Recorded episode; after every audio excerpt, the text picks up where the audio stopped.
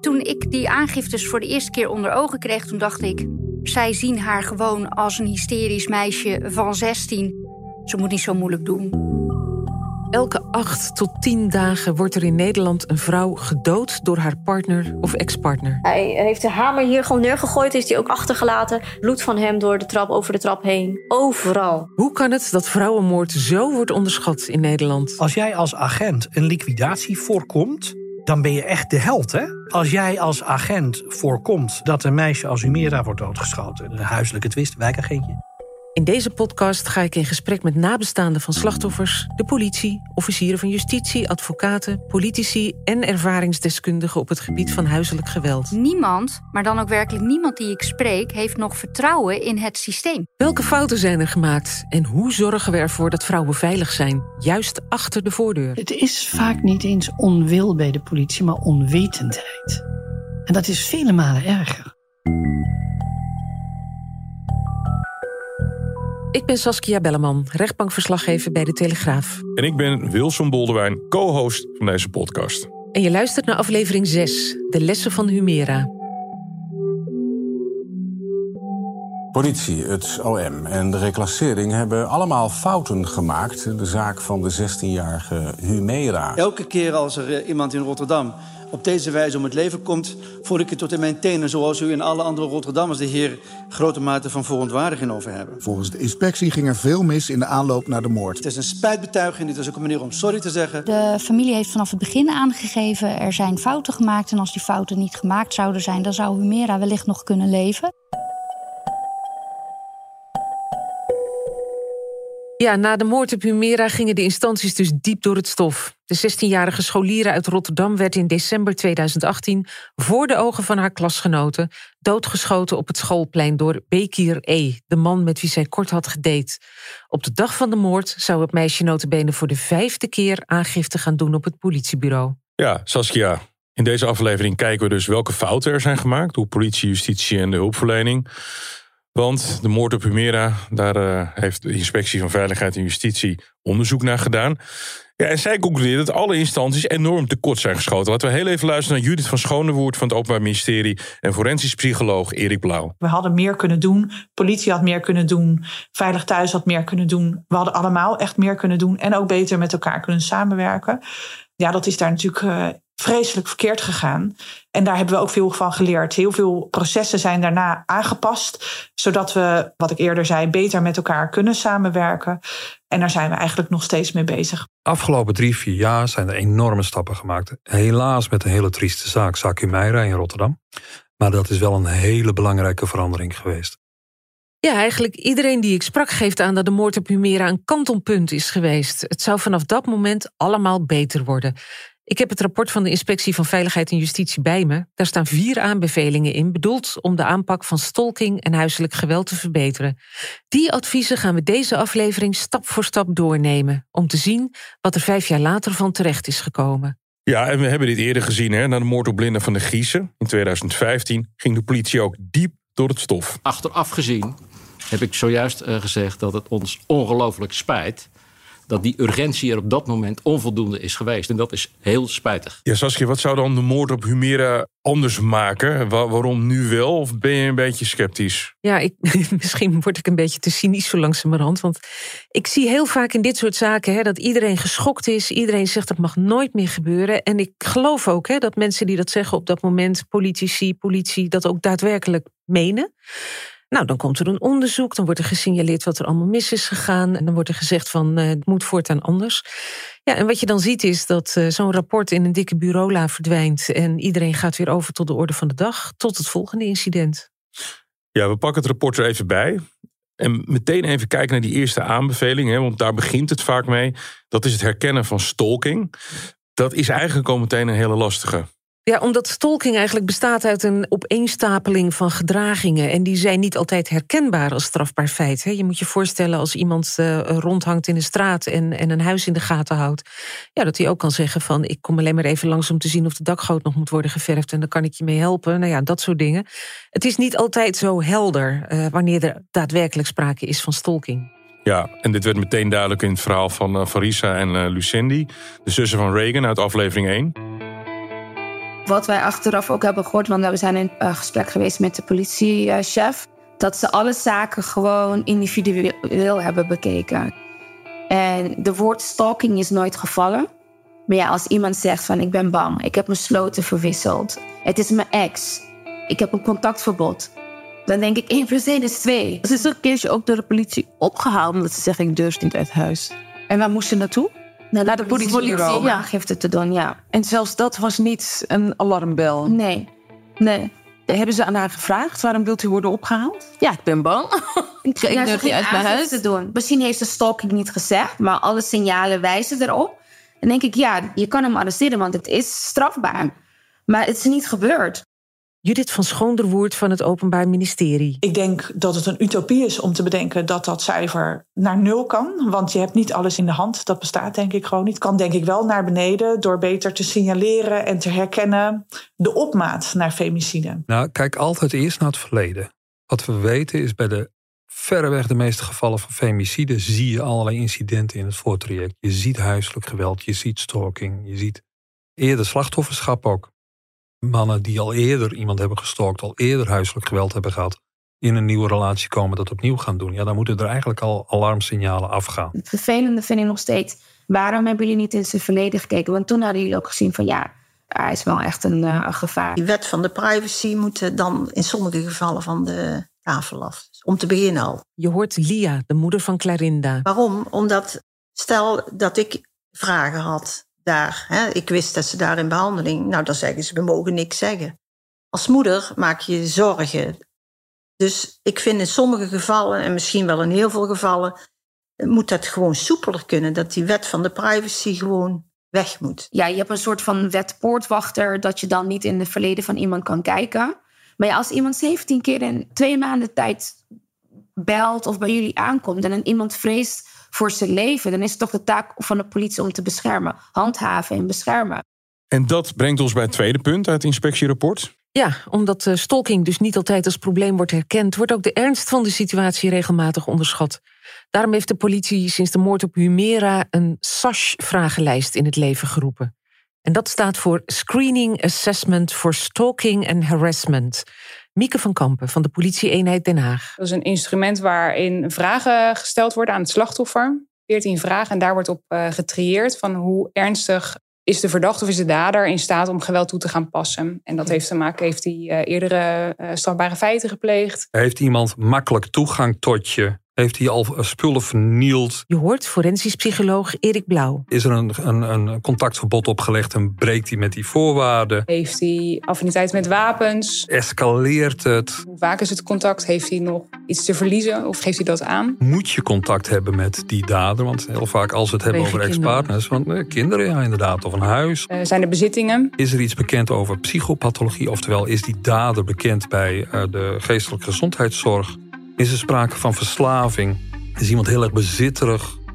Of heel erg angstig? Dat zijn allemaal vragen die in dat formulier worden gesteld. En op basis daarvan komt dan een uitslag laag, midden of hoog risico op geweld. En daar passen we onze aanpak op aan.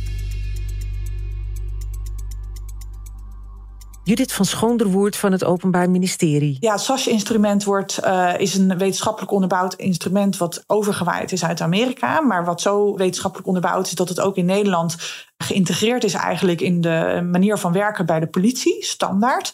En daar komt eigenlijk een groen, oranje, rood meting uit voor, die grofweg de risico op uh, ernstig geweld, mogelijk fataal geweld, meet. En dus ook een eerste aanduiding geeft over hoe serieus je die zaak moet nemen. Als een politieman denkt, ja, ondanks allerlei geruststellende antwoorden heb ik nog steeds het gevoel van niet pluis, kan dat nog steeds worden geëscaleerd. Ben je dan als slachtoffer niet ontzettend afhankelijk van wie je treft aan de balie bij een politiebureau en of die dat een beetje serieus neemt? Of moeten ze hoe dan ook zo'n vragenlijst afwerken als een vrouw zich meldt? Dat geldt voor altijd en overal. Het geldt ook voor als je naar de dokter gaat. Dan hangt het er ook, staat of valt het met welke dokter je treft of die jouw symptomen goed herkent. En daarop handelt. Uh, dat is bij ons natuurlijk ook zo. Dat is bij het OM zo, bij de politie zo. Nou, je bent er inderdaad van afhankelijk. Alleen binnen de politie is het wel zo dat het wordt opgeschaald. Zodra men het woord stalking hoort, wordt dat wel meteen opgeschaald. Mieke van Kampen van de politie. We proberen aan alle kanten de collega's zo de rugzak te vullen met informatie en maatregelen die genomen kunnen worden. En die individuele politiemedewerker heeft ook altijd nog een achtervang. We hebben die vragenlijsten zijn uitgeprint. Er zijn toolkits zijn er beschikbaar.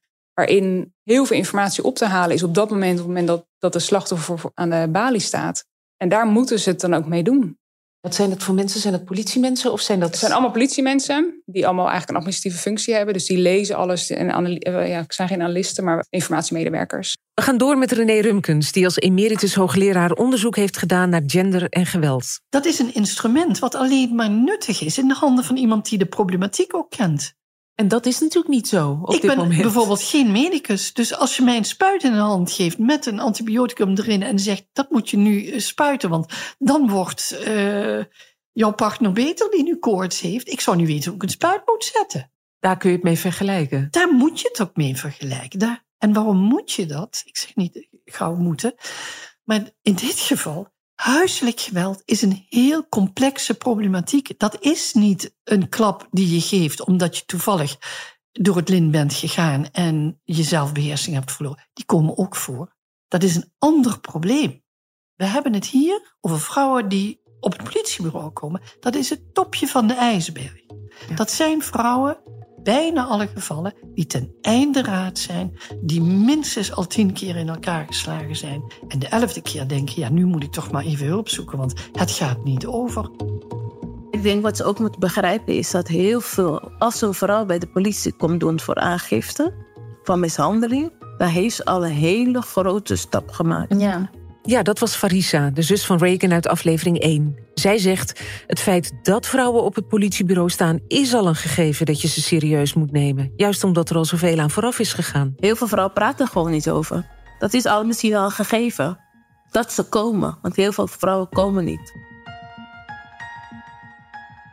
Nou, ik heb een zaak gehad waarbij een, vrouw echt de meest nare dingen allemaal meemaakte. Uh, die werd bedreigd, werd ongelooflijk vaak opgebeld. De remmen van haar auto werden onklaar gemaakt, zodat het gevaarlijk kon zijn. Er werd, uh, zat een beveiligingssysteem, dat werd onklaar gemaakt. En, en uh, de man die kwam binnen en, en, liet duidelijk weten dat hij binnen was geweest. omgeving werd bedreigd. Die vrouw was een hele sterke vrouw.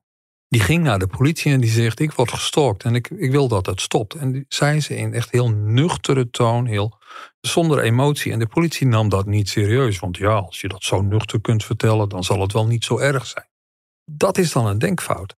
De angst die het geweld tegen vrouwen, de angst voor de dreiging, de angst voor de herhaling, dat gaat zo diep zitten bij vrouwen. Zeker als je het langere tijd meemaakt dat gaat, ik zou bijna zeggen, letterlijk onder je huid zitten. Dus op het moment dat jij vragen gesteld krijgt, heb je de neiging ook om dat af te vlakken. We hebben ook wel casussen gehad dat mensen in feite, uh, nou, één keer per week worden opgebeld, terwijl ze dat liever niet hebben. En dat er eigenlijk niks anders gebeurt. En in tranen met heel veel angst bij de politie terechtkomen. En zo'n zaak wordt dan wel serieus opgevat. Maar vervolgens komt men heel snel tot de conclusie: ja, de dreiging is hier heel laag. En dat is ook het ingewikkelde van stalking, is het ingewikkelde van huiselijk geweld. We hebben te maken met reacties van de slachtoffers. En soms is veel emotie beter om duidelijk te maken dat er een probleem is, dan heel gecontroleerd. Het Openbaar Ministerie. En de rode vlag die echt op mijn netvlies is blijven uh, plakken, is die van angst bij het slachtoffer. Als een slachtoffer aangeeft: ik ben heel erg angstig, dan is dat een signaal op zich. René Rumkes. De gevallen waar de politie mee te maken krijgt, daar heb je scholing in nodig om de ernst goed te kunnen inschatten en ook te weten hoe benader je iemand en welke signalen moet ik op letten. Dat is geen mensenkennis die we met een beetje empathische vaardigheden en een beetje wetskennis, want dat is het gemiddelde wat je bij een agent krijgt die aan de balie zit, die heeft geen specifieke kennis over huiselijk geweld. Waar moet hij het vandaan halen? Maar dat is wel de eerste die vrouwen spreken. Ja, ik heb dan toch de neiging om het even op te nemen voor uh, die agenten aan de balie. Want er komt zoveel voorbij tegenwoordig. De politie lijkt wel een soort duizend dingen doekje. Neem alleen al al die verwarde mensen. Het is allemaal heel arbeidsintensief. En elke keer wordt er maar van hen geëist dat de politie heel adequaat reageert. Maar dat kan simpelweg natuurlijk niet altijd op alles. Het is vaak niet eens onwil bij de politie, maar onwetendheid. En dat is vele malen erger. Want als je niet wil, als je zegt, nou mevrouw, eh, het moet maar eens afgelopen zijn. U heeft nu al eh, drie keer in het afgelopen jaar gebeld, ik noem maar wat. Hè? Want de politieagenten hebben ook soms het gevoel van ik ben geen maatschappelijk werker. Ik word iedere keer voor uh, enzovoort. Dat is heel begrijpelijk, tot op zekere hoogte vanuit een politieagent bekeken. Alleen die politieagent heeft te weinig training gekregen. Strafrechtadvocaten Nelke Stolk en Richard Korver. Dus echte kennis van de mensen die daar zitten, of die ik bel, als je die aan de telefoon krijgt. Het is net of dat ze water zien branden. Als je uitlegt dat hier echt wel sprake is van een aantal rode vlaggen waarvan je denkt: pak dit nou door. En dan denk ik: hoe kan je nou verwachten van de mensen die daar zitten als ze niet eens die klik maken naar van oh hier moeten we wat verder mee. Hier moeten we bijvoorbeeld wel een SAS-formulier gaan invullen, want dan kunnen we het de juiste weg inschuiven. Ik heb ook nog niet zo heel lang geleden iemand van de Raad voor de Kinderbescherming horen zeggen: ja, meneer Korver, er zijn al 23 meldingen, er is nooit echt wat gebeurd, dus het zal wel meevallen. En het feit dat er 23 meldingen zijn, werd niet alarmerend genoeg gevonden om actie te ondernemen. Nee, dat werd eerder gezien als bewijs voor dat het wel meeviel. Lucendi, de zus van Reagan. Er is eentje geweest die het wel uh, serieus heeft genomen. Die vroeg voor een risicotaxaat. Maar dat is afgewezen. Dus ja. Door wie? Door de korpsleiding of door wie anders? Ik durf het niet te zeggen. Ik durf het niet te zeggen. Maar die persoon heeft haar wel, maar dat uh, mocht ook niet baten. Dus ja, wat, wat kan je doen?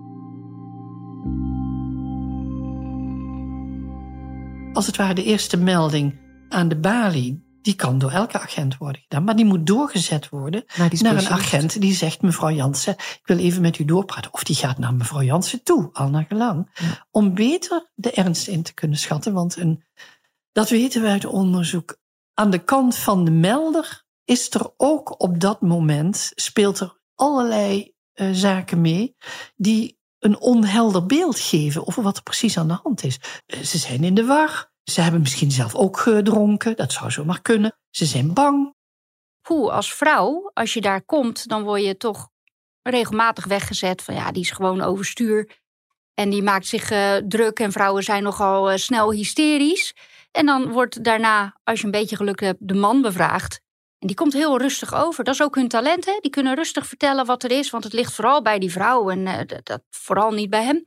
En daarin wordt toch echt nog wel meegegaan nogmaals, het topje van de ijsberg, dat zijn complexe problematieken. Er zit vaak multiproblematiek ook bij, weten we uit onderzoek. Dus middelengebruik, werkloosheid.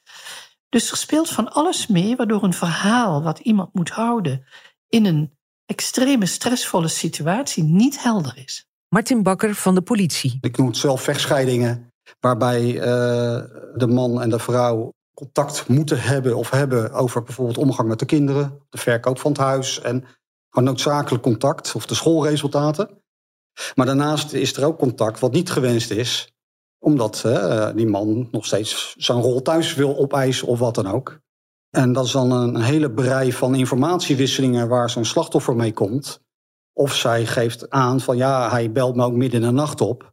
En nou, dan onderzoeken we dat. Of dan zoeken we dat uit. En dan blijkt, ja, u heeft ook op andere momenten contact. Ja, maar dat gaat over de school.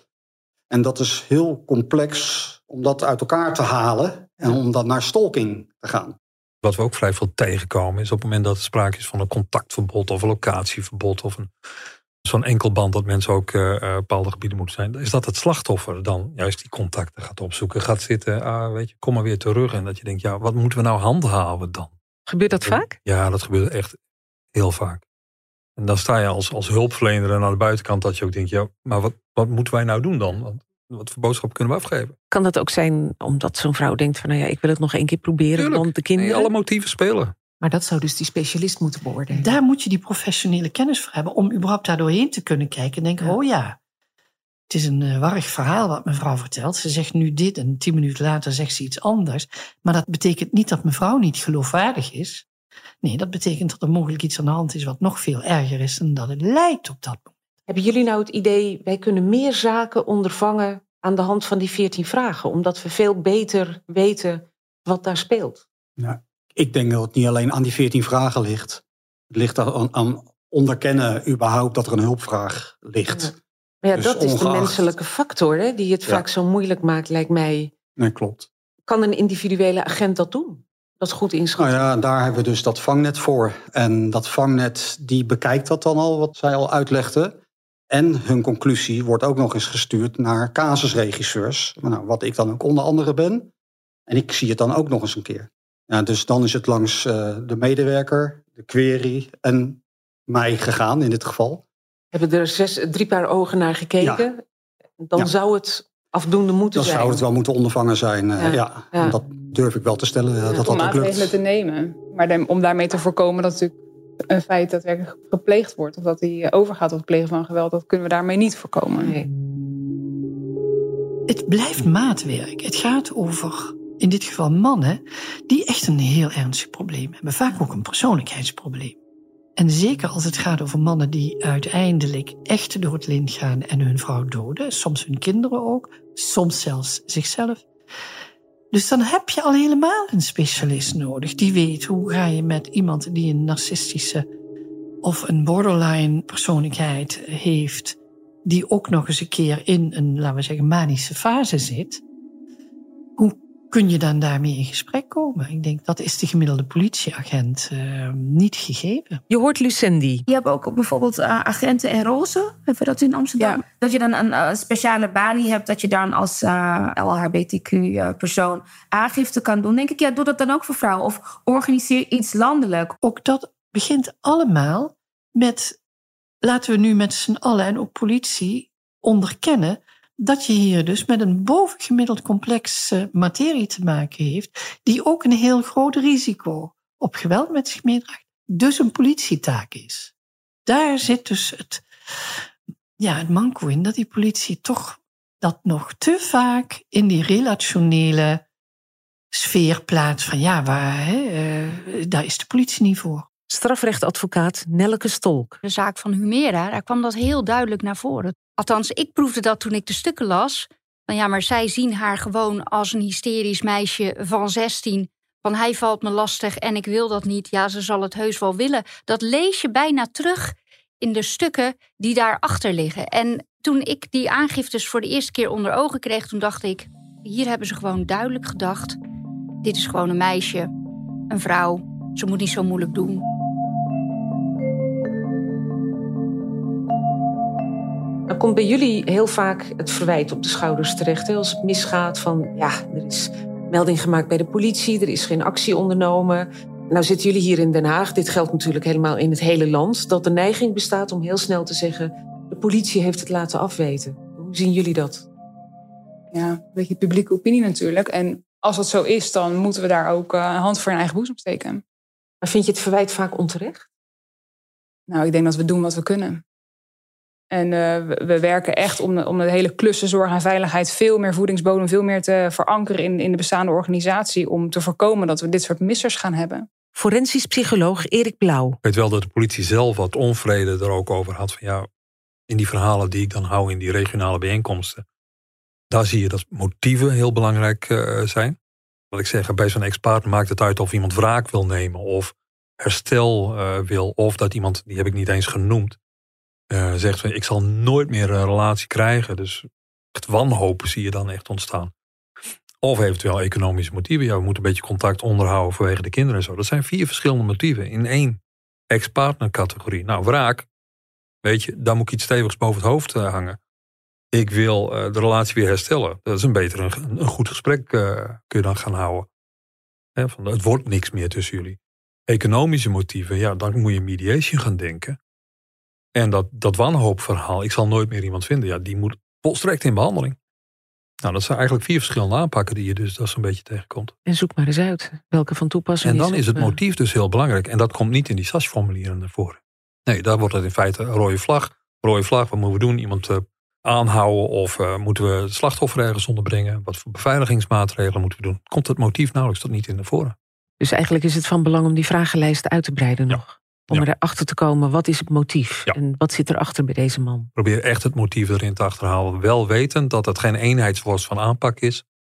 Maar dat het een maatpak moet zijn. Wat doe je nou in die specifieke combinatie van dader en slachtoffer? Het ingewikkelde is ook, denk ik, ik heb daar ook bij de voorbereiding op deze podcast veel over nagedacht. Van hoe bewijs je dat je dingen hebt voorkomen? Je hoort Judith van Schoondewoord van het OM. Dat is heel lastig. We weten alleen dat we elkaar steeds beter weten te vinden.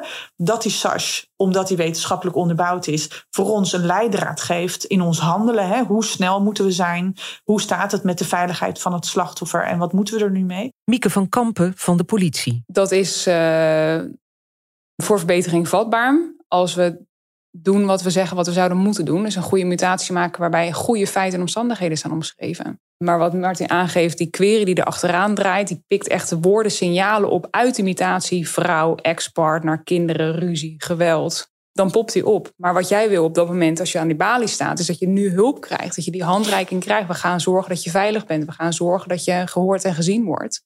Dat is wat je op dat moment wil. En dan, nou ja, dan zo'n mutatie, hoe die opgebouwd gaat worden, is op dat moment niet heel erg belangrijk. Je wil dat jij geholpen wordt, dat je gezien wordt. Terug naar het OM. Dus ik kan geen antwoord geven, denk ik, op werkt het of uh, zie je dat het nu beter gaat.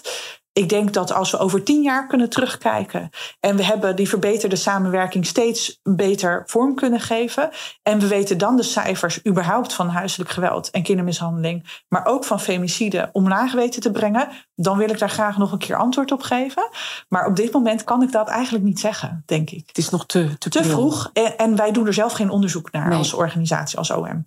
Oké, dus na de moord op Humera in 2018 is de politie deze vragenlijst gaan gebruiken om de ernst van de situatie in te schatten. Maar Saskia, wat blijkt nou? Ze zijn nog steeds voor verbetering vatbaar. Ja, dat klopt. Het is nu volgens Judith van Schoondewoord van het Openbaar Ministerie nog te vroeg om te zeggen of het aantal dodingen of ernstige geweldsdelicten is afgenomen, dankzij die vragenlijsten. Maar wat we wel weten is dat er in ieder geval een specialist achter de balie moet zitten die die complexe materie begrijpt. Of dat een specialist in ieder geval die vragenlijst moet afnemen. Die lijst moet daarnaast ook uitgebreid worden met vragen om te achterhalen wat het motief is achter het stolken, want alleen dan weet de politie hoe ze de dader het beste kunnen aanpakken. En het meest verontrustende is, het zakt weer weg. Het is eigenlijk iedere keer hetzelfde mechanisme dat je ziet. Het ging na de moord op Humera een tijdje goed. Die SAS-vragenlijsten werden afgenomen. Maar wat blijkt nu? Lang niet op elk bureau wordt dit altijd gedaan. Nelke Stolk en René Rumkes daarover. Ik heb na de zaak van die scholieren gezien dat ineens iedereen was ermee bezig. En iedereen dacht eraan. En ja hoor, er zaten gewoon daadwerkelijk SAS-formulieren in de dossiers. Dat is nu weer weg. Oh ja? Die zijn er nu niet meer in? Ja, dat zakt weer weg.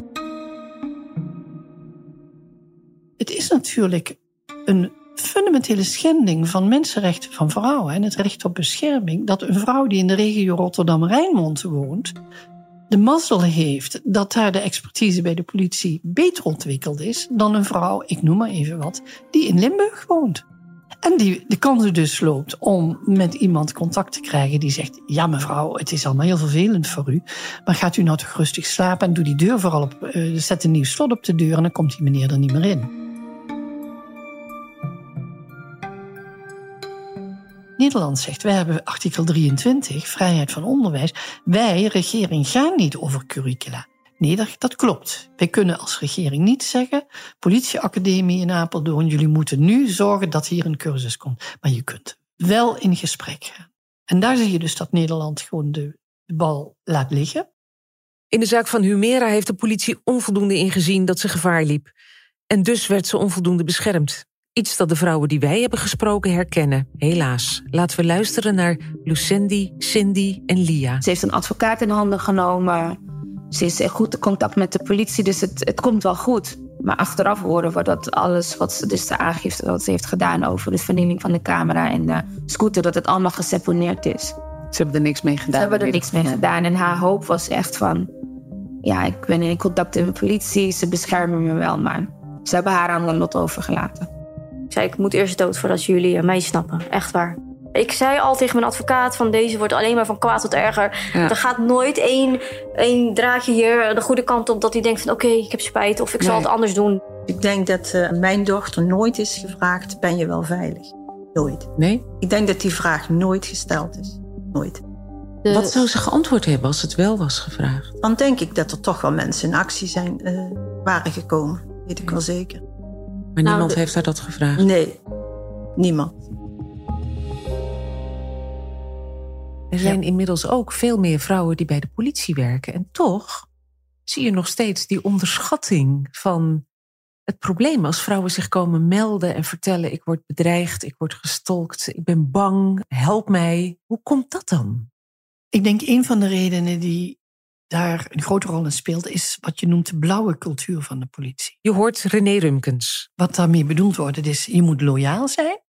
Loyaliteit is cruciaal. En dat betekent dus ook, daar, daarmee is een traditionele oriëntatie inherent aan de organisatie. Want je bent loyaal aan de organisatie. Dus en die, ook die vrouwen moeten daar loyaal aan zijn en zullen dus geen verschil kunnen maken. Nou, maar heel langzaam. Ze kunnen een verschil maken, maar dan hebben ze met weerstand te maken.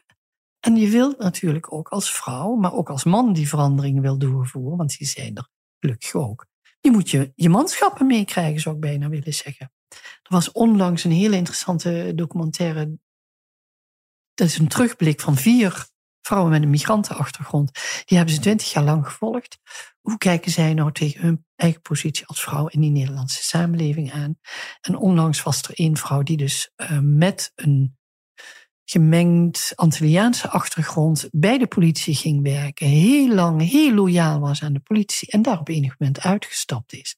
Omdat ze toch zag, ja, die verandering die zij wenselijk vond bij de politie. In hoe er naar vrouwen gekeken wordt, maar ook hoe er naar mensen van kleur gekeken wordt. Dat het merendeel van haar collega's daar toch ideeën over had. En die nogal achterhaald waren in haar overtuiging. En dat ze bij haar leidinggevende ook maar tot op zekere hoogte gewoon vond. Dus dat ging haar te langzaam.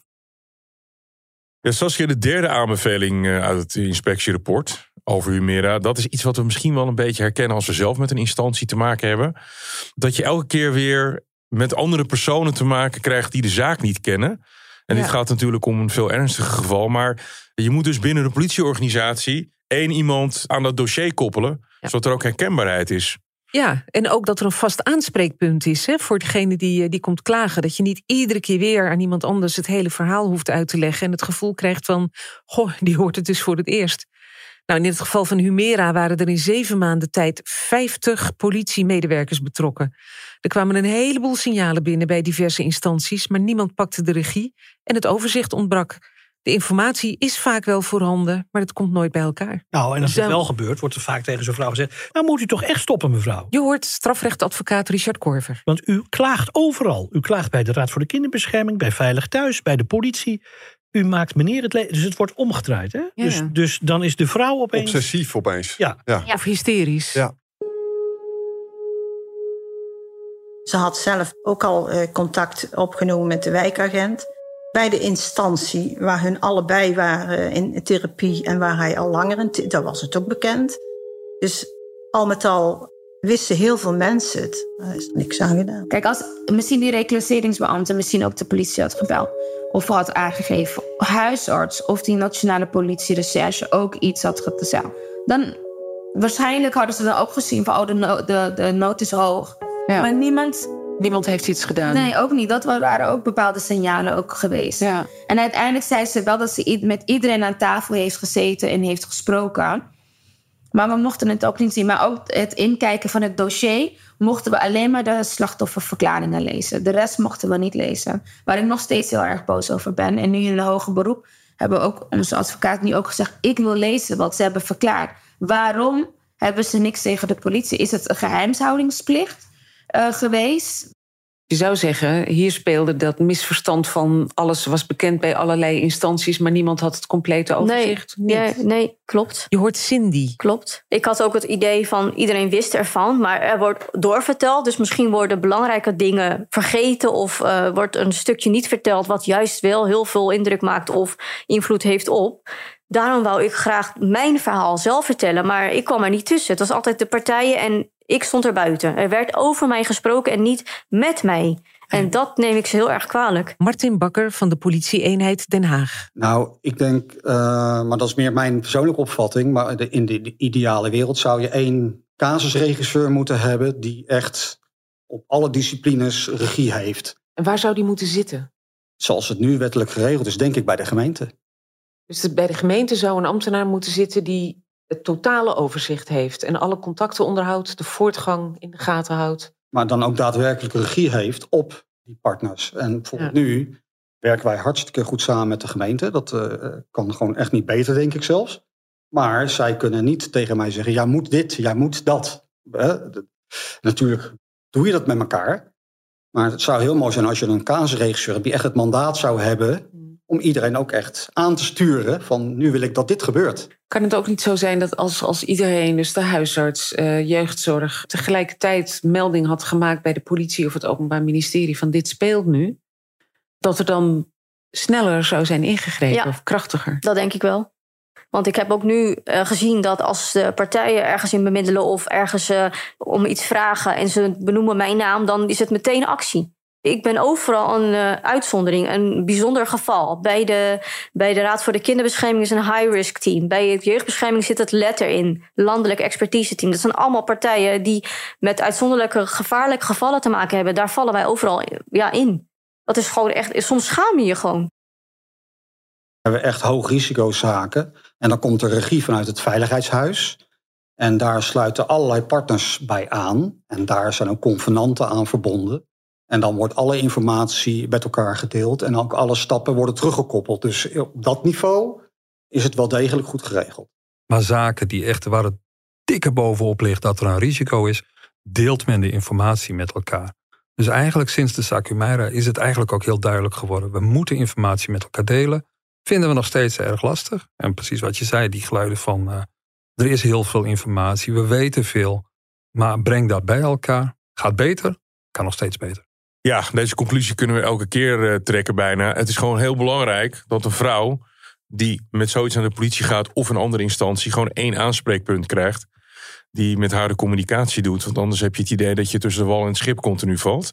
Ja, dat klopt. Ja. En dat is een, een persoon die in contact staat met alle betrokken instanties. En dus ook het overzicht bewaakt. Wat komt waar binnen? Nou, dat totaaloverzicht moet je dus gewoon hebben.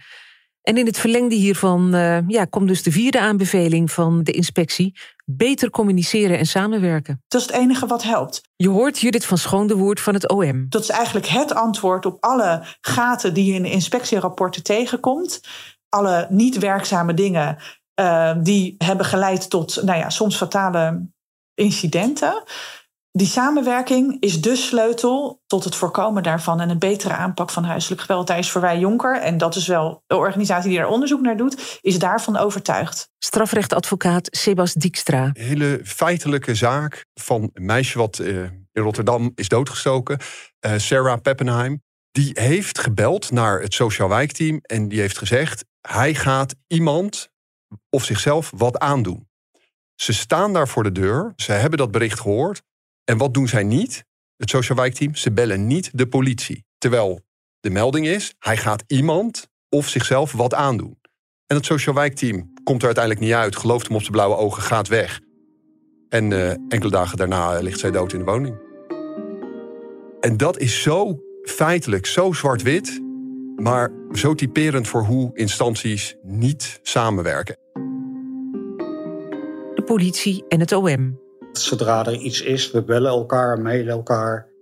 Ja, en dan uh, wordt er eerder, bij wijze van spreken, te veel dan te weinig gedaan. Te veel dan te weinig? Nou ja, te veel. Er worden eerder meer veiligheidsmaatregelen of, of overleggen gevoerd of afspraken gemaakt. Dan als je dan achteraf terugkijkt, denk je, nou, eigenlijk viel het allemaal wel mee. Gelukkig. Maar we zitten eerder daar dan onderschatting. En soms gaat het ook verkeerd nog steeds. Want het blijft mensenwerk en het zijn grote organisaties. We zijn daarin aan het leren. Terug naar Cindy. Eén keer in de zoveel tijd is er een groot overleg met alle betrokkenen. En ik was daar nooit bij. Ik heb ook aangegeven, nou, ik wil ook graag weten wat er wordt besproken over mij, wat er wordt bepaald. Want ik moet in alles meebewegen en alles meedoen. Maar waarom? Leg het mij uit. Dus nu zit ik er ook bij. Ja, het gaat over mij. Het gaat over mijn leven. En ik wil ook keuzes kunnen maken eh, die, waar ik achter sta. Niet omdat jullie het vinden, maar omdat ik het zelf ook vind. Dat is eigenlijk wel curieus dat ze niet met jou praten, maar wel over jou. Ja, dat heb ik al genoemd vanaf dag één in de opname bij de opvang. Er werd wekelijks een overleg uh, gehouden over alle dames. En ik was ook weer uitzonderlijk geval, want dat was de enige mevrouw die naar buiten mocht. Maar uh, terugkoppeling, nul. En dan zit je daar maar te wachten op wat, ik weet het niet. Nou zit het Openbaar Ministerie natuurlijk wat verder op de lijn. Maak je nou vaak mee dat je denkt van verdorie, die zaak zou ik echt even eerder op mijn bordje gehad moeten hebben. Dan hadden we eerder kunnen ingrijpen. Ja, kom ik wel tegen. Zowel bij politiewerk als bij Veilig Thuis kom ik dat wel tegen. Strafrechtadvocaat Richard Korver. Ik heb eh, respect voor mevrouw Schonewoord. Het is de landelijke officier uh, die hierover gaat. Maar dit is een praatje voor de bühne. Het spijt me wel, want die meldingen die zijn er.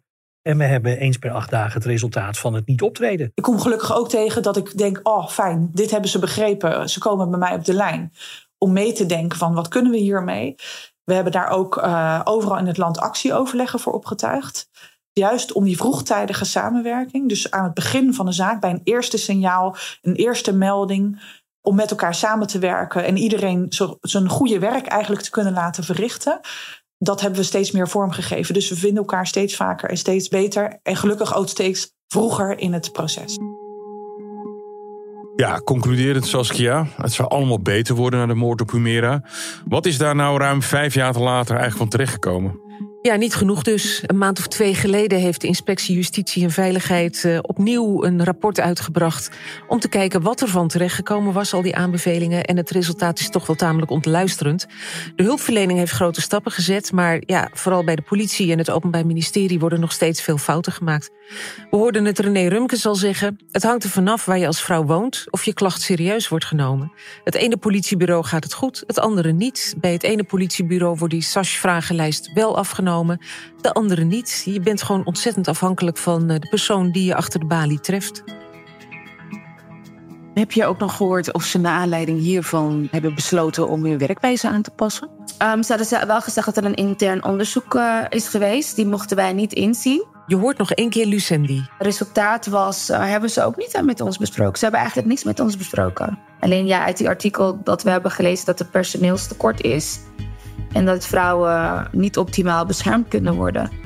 Dus of te veel is gedaan, weet ik niet. Maar ik weet wel dat vrouwen op hun hoede moeten zijn. Het Openbaar Ministerie. Het is belangrijk om te blijven erkennen dat we niet alles kunnen indammen. We hebben natuurlijk ook gewoon te maken met onze regels van strafrecht. Er moet eerst wel iets van een verdenking zijn, willen we iets kunnen doen. Dat is denk ik ook best wel een probleem wat we veel tegenkomen. Dat er een mevrouw aan een balie komt met een probleem waarvan we denken... oei, dat is iets waar we iets mee zouden willen. Maar als er geen verdenking in schuilt, dan houdt het voor ons wel op. Het strafrecht kan alleen maar iets doen met een verdenking en verderop in het proces als we een bewijsbaar strafbaar feit hebben.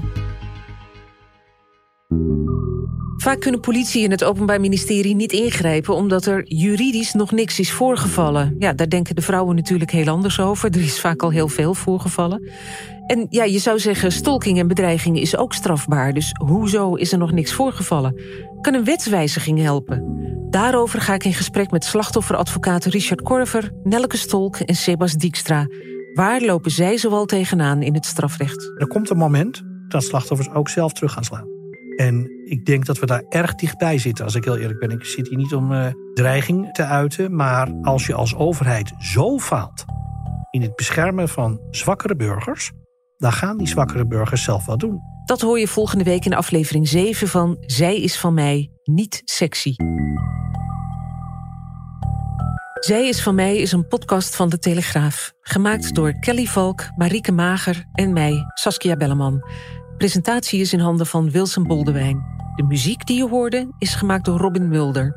Ons logo is ontworpen door Petra Urban. De eindmixage was in handen van Audiohuis.